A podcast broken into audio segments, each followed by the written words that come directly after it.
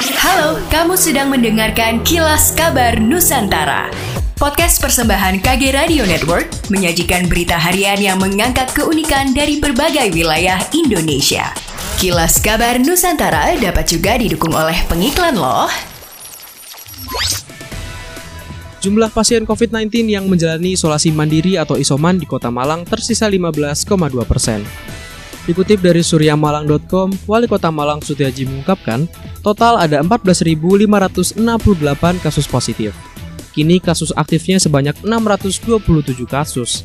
Pasien yang dirawat di rumah sakit sebanyak 278 pasien, dan pasien yang dirawat di isoter sebanyak 251 pasien. Nantinya angka ini akan terus mengalami pergeseran. Sutiaji menjelaskan tempat isoter di rumah teduh masih belum terisi. Saat ini angka kesembuhan di kota Malang mencapai 88,5 persen. Sutiaji juga mengungkapkan pihaknya masih berupaya untuk mengisi safe house. Dari 250 bed yang tersedia, sebanyak 189 bed telah terisi. Tingkat kesembuhan yang cukup baik ini membuat pergeseran pasien cukup renggang. Kini kota Malang telah memasuki zona oranye dari awalnya berada di zona merah. Sutiaji mengakui ada beberapa pasien isoman yang enggan dipindahkan ke isoter. Hal tersebut karena faktor usia dan masih berada di bawah perawatan keluarga. Meski masyarakat memberikan jaminan bahwa pasien tersebut tidak akan beraktivitas di luar ruangan, pihak terkait masih akan terus melakukan pemantauan. Kepala Dinas Kesehatan atau Dinkes Kota Malang, Dr. Husnul Muarif menyampaikan, saat ini Kota Malang telah memasuki zona oranye. Pihaknya akan menyiapkan beberapa indikator untuk langkah berikutnya agar Kota Malang bisa turun ke PPKM level 3.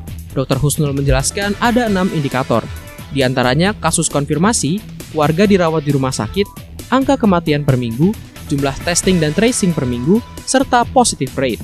Keenam indikator tersebut akan dilakukan perbaikan oleh Dinas Kesehatan Kota Malang. Dr. Husnul juga mengakui bahwa warga yang menjalani isoman di Kota Malang berkurang cukup signifikan. Meski mengalami surplus hingga mampu berbagi dengan daerah tetangga, namun ketersediaan oksigen medis di Kalsel diakui sangat berpotensi mengalami kekosongan. Mengingat pasokan oksigen cair didatangkan dari daerah lain yang sangat bergantung dengan cuaca saat proses pengiriman. Ketua Satgas Oksigen Kalsel Muhammad Subhat mengatakan, kebutuhan oksigen yang cukup tinggi membuat stok yang ada selalu habis terpakai. Untuk pemenuhannya secara sumber daya alam, tidak ada pabrik di Kalsel yang memproduksi oksigen sehingga sangat tergantung dengan kiriman dari Bontang Kaltim yang hanya mampu memasok 20 ton per hari dan harus dibagi dengan daerah lain. Namun ia berharap tidak ada kendala berarti dalam proses pengiriman agar kebutuhan oksigen di Kalsel selalu terpenuhi.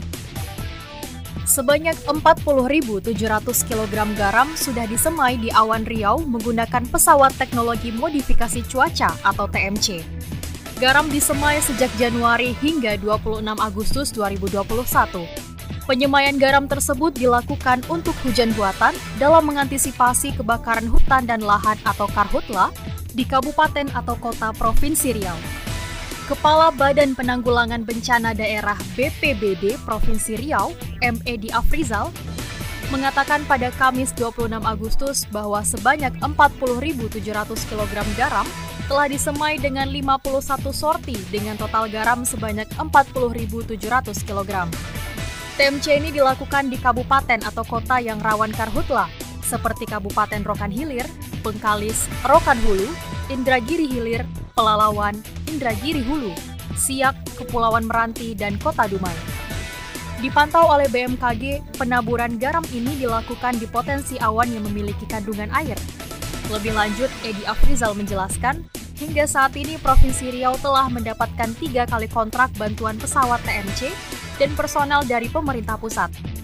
Sejauh ini pesawat TMC sudah melakukan TMC sebanyak 8 sorti dengan pemakaian bahan baku sebanyak 6.400 kg garam.